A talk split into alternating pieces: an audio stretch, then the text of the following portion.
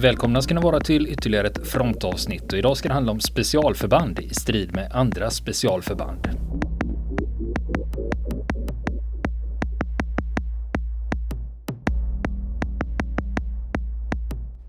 Och nu ska vi fortsätta prata om specialförbandsstriderna på Falklandsöarna. Och sen eh, 14-15 maj, det här är alltså en vecka innan landstigningarna. Eh, då slår SES till med sin räd mot flygfältet på Pebble Island. Mm. Som ligger på öst, norr om Östfalkland, en ö där ute.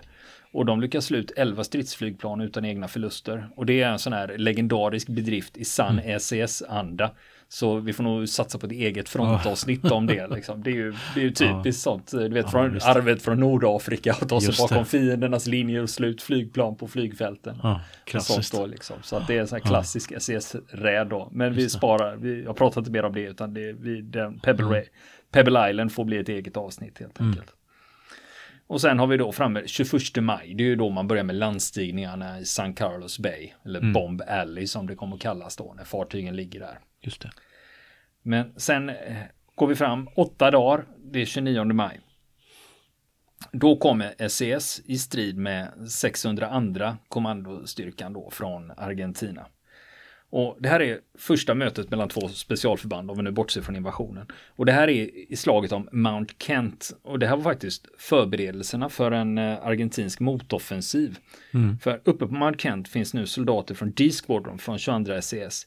Och 40 man från argentinska 602 kommandos. De är på väg upp för berget. Och det är mörkt och det är skitväder och det är besvärlig terräng.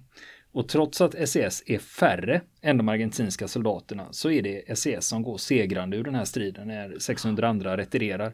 Mm. Nu hade ju i och för sig SES e fördelen av att befinna sig högre upp och vara lite mer bekanta med terrängen på berget.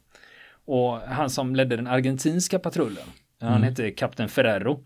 Och han berättar så här att eh, medelåldern i 600 andra, den var mellan 28 och 33 år. Annars skulle inte mina grabbar klara av de sex stentuffa patrulluppdrag som vi hade framför oss. När vi var ute där, då var min stora skräck att springa på en brittisk patrull. Eller ännu värre, hamna i ett bakhåll. För nu var vi verkligen i lejonets kula. Vi hade kommit ungefär 500 meter när jag ger tecknet att vi ska stanna. Jag kan höra vatten, sa jag. Jag blir orolig. Och hans underbefäl Lauria säger, jag kan gå fram och spana tillsammans med Oviedo. Jag tänker efter lite kring det där och sen säger jag, okej, okay, jag följer med ihop med Makt och Oviedo och resten av patrullen och du väntar här. Och så blinkar jag med lampan. Lampan var IR och krävde särskild utrustning för att se den. En blinkning betyder fara, stanna. Två betyder okej, okay, kom framåt. Och tre blink betyder stick iväg så fort ni kan. Och de här tre då, mm.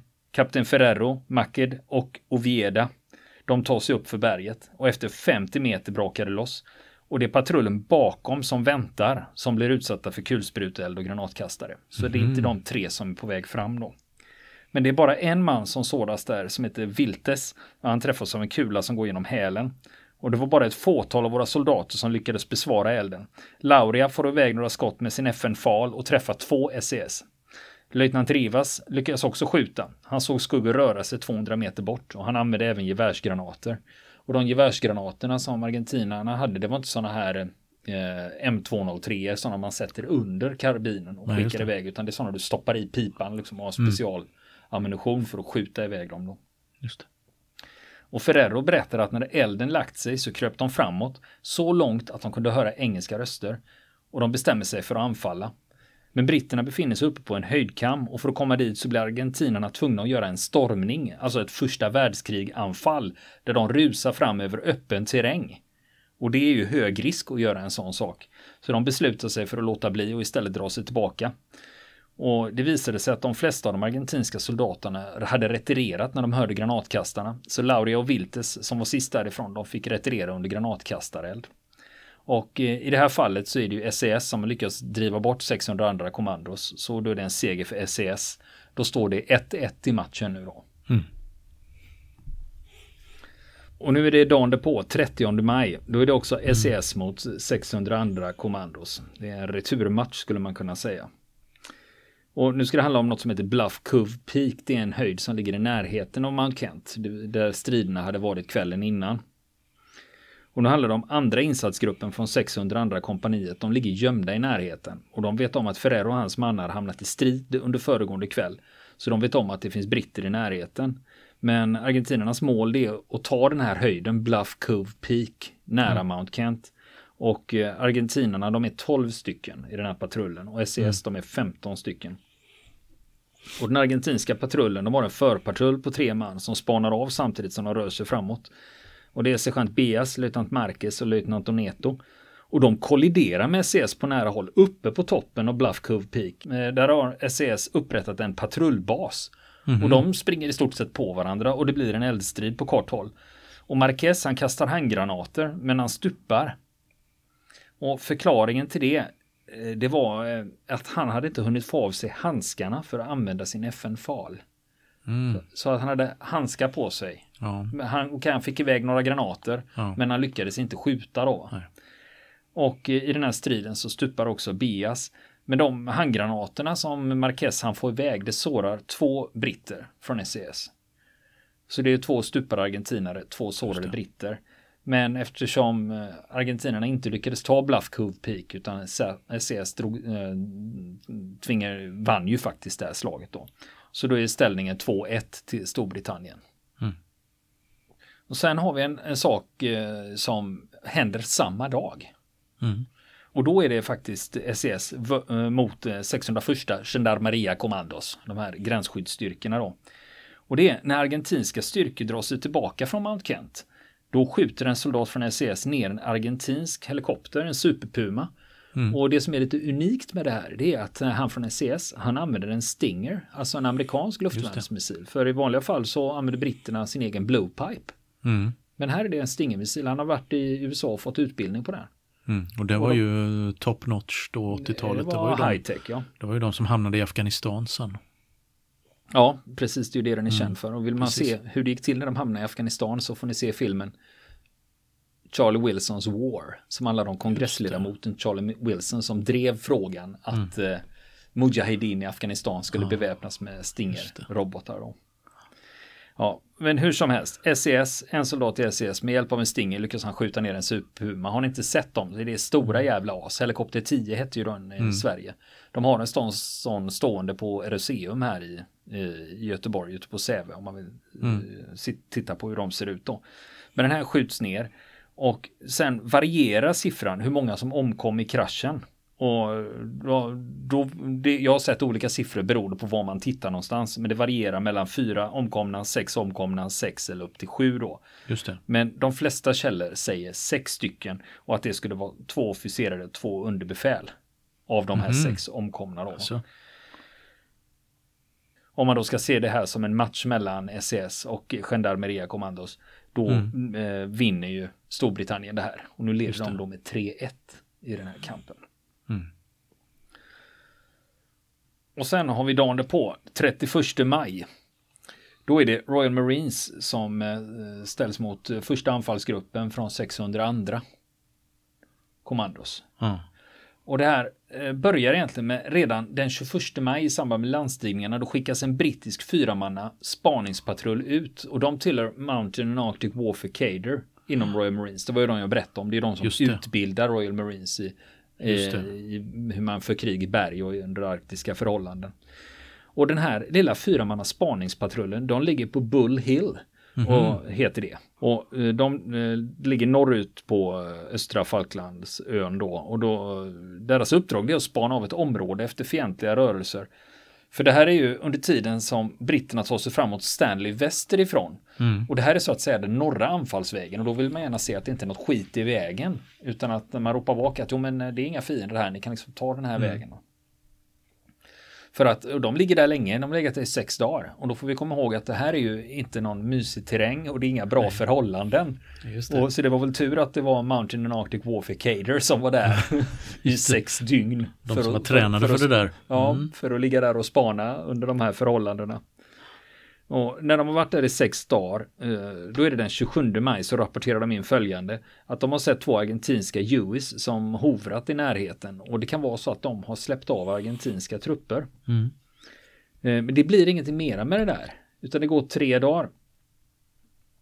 Så den 30 maj då rapporterar en annan spaningspatrull in att två argentinska US med uppskattningsvis 16 argentinska soldater har landat och släppt av dem i närheten av en eh, liten byggnad som heter Top Malo House. Mm. Och den här byggnaden det är, det är ett övergivet herdehus. Mm. Och grejen är att den här patrullen som har sett dem, de ligger bara 400 meter från det här huset. Och ser de här helikoptrarna landa och släppa av de här soldaterna då. Och de är ju från 600 andra kommandos, de argentinska mm. soldaterna som kliver av där. Och det här är ju 30 maj och nu börjar det bli så mörkt så britterna utesluter att äh, vi slår inte till med Harriers. Eh, och det är för långt för artilleri för att nå det här. Så istället så planerar de för ett anfall morgonen därpå, den 31 maj. Mm. Och då är det så här att britterna ska landa med helikopter tusen meter från huset och sen rycka fram till fots och slå till, för de vet ju om att det finns argentinska soldater där inne. Och då undrar man ju varför landar argentinarna där med en helikopter och sen går in mm. och sätter sig i det där jävla huset och bara väntar ja, på att bli överkörda liksom. Ja, och man. anledningen till att de hade sökt sig dit, det var en snöstorm som de inte var utrustade för att möta. Så därför blev beslutet att de skulle söka skydd i huset, för de hade inte grejer för att klara av att vistas utomhus. Mm. Under de här förhållandena då. Och eh, enligt de väderrapporter som argentinerna hade fått så väntar de ännu mera skitväder. Så att det var och då tänkte de att ja, men då mm. sitter vi av det här och väntar på att vädret blir bättre och sen kan vi ut och göra grejer då. Mm. Och hade inte en aning om att det låg en brittisk patrull 400 mm. meter därifrån. Och iakttog dem. Mm. I snöstormen. Ja. Under det här skitvädret. De här mm. ut, de hade väl med sig rätt grejer då. Eller också var det hårdare pojkar. Mm. Vilket ni vill. Eh, nu är det 31 maj och anfallet ska inledas och det är Royal Marines som ska slå till då. Och de lyfter i en Sea King-helikopter och de har med sig ammunition och förnödenheter för en vecka. Och de flyger 45 kilometer och de är 19 stycken som ska genomföra anfallet. De landar och sen rycker de framåt. Och sju man avdelas för eldunderstöd och går vänster och de lägger sig 150 meter från huset och de övriga 12 är de som ska genomföra själva anfallet. Och nackdelen är att det har snöat och britterna har svarta uniformer. Det gör att de syns ganska bra. Mm. Men argentinerna har ändå hört helikoptern och förstår att nu är det grejer på gång. Så argentinerna mm. hinner faktiskt förbereda sig för att nu jävla kommer det att smälla. Och nu, vid det här laget så är det två timmar efter gryningen och britternas befäl Boswell han beordrar bajonett på och avfyrar ett grönt signalblås. Argentinarna öppnar eld inifrån huset för att hålla ner britterna. Så de ska, nu ska argentinarna försöka ta sig ut. För de förstår att det är värdelöst att sitta i ett hus när det, det kommer infanterister och ska slå ut dem här. Va? Och den brittiska understödsgruppen, de avfyrar sex stycken M72 Law. Det är ju pan amerikanska pansarskott 66 mm. mm. Och när granaterna träffar huset så fattar det eld och ammunition inne i huset börjar explodera. Boswell och hans grupp, alltså anfallsgruppen, de rycker framåt, stannar, avfyrar två pansarskott och fortsätter sen framåt. Och argentinerna flyr från huset till en bäckfåra 50 meter bort. Och argentinerna ger eld samtidigt som de rör på sig. Och på övervåningen i huset så har löjtnant Espinosa stupat efter ett av pansarskotten. Och sergeant Spertz eh, stupar när han ger nedhållande eld för att skydda sina kamrater som lämnar huset. Och eh, den här eldgivningen den sårar två brittiska soldater som är understödsgruppen då. Mm. Men samtidigt så har britterna lite tur för att det här huset har ju fattat eld. Mm. Och deras framryckning skyms av röken från det brinnande huset. Så det är liksom inte klart skottfält mot dem då. Så de kan rycka fram i skydd av röken. Och den här eldstriden fortsätter i 45 minuter. Eh, som de skjuter på varandra. Och mm. då såras två britter under den här striden. Men då inser argentinska kaptenen Vecchezzi att det är lönlöst. Att de är ju några stycken ja. kvar. Eh, ammunitionen är snart slut och han har sex sårade. Mm. Och då är de inte så många kvar så han ger upp. Och resultatet för Argentina blir totalt då två stupade, sex sårade och fyra som kapitulerar. Just det. Och britterna, så de, de hade ju fått en rapport på hur många som hade stigit i, i land med helikoptrar. Men ja. Eh, summa summarum var att de var 12 stycken. Mm. Och britterna de har fyra sårade. Det är två i anfallsgruppen och två i understödsgruppen. Och av de här britterna så är det två av dem som är väldigt allvarligt sårade också. Och efter striden då säger den brittiske kaptenen Boswell till sin argentinska kollega Versace Aldrig i ett hus. De tycker att fan kan det vara så jävla ja. dumma så ni går in och sätter er och bara väntar på att vi ska komma. Ja, precis.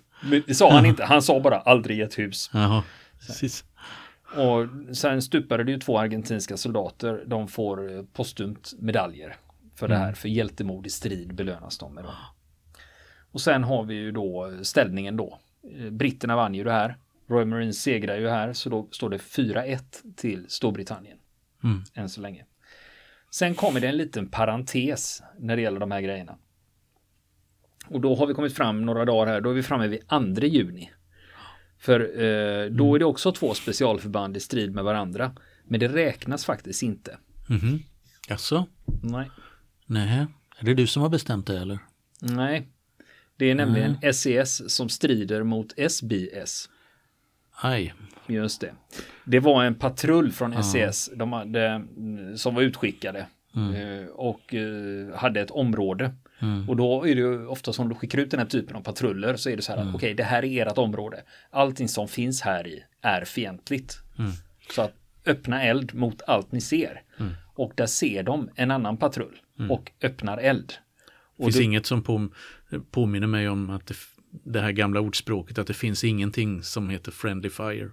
Nej, inte där du väl blir träffad. Nej. Och eh, i det här fallet så var det faktiskt att det var SBS som hade gjort fel. För de hade skickat in en patrull i ett område som var avlyst för SES. Mm. Så det här var SES område, SBS hade inget där att göra. Och hur blir det då när SES och SBS hamnar i en eldstrid med varandra? I det här fallet så blev det så att det var SES som gick segrande för en SBS stupar i det här. Mm. Men eh, ja, segrar och segrar, det är ju en olyckshändelse det här. Det var inte målsättningen att de skulle ha ihjäl varandra, men nu blev det så ändå.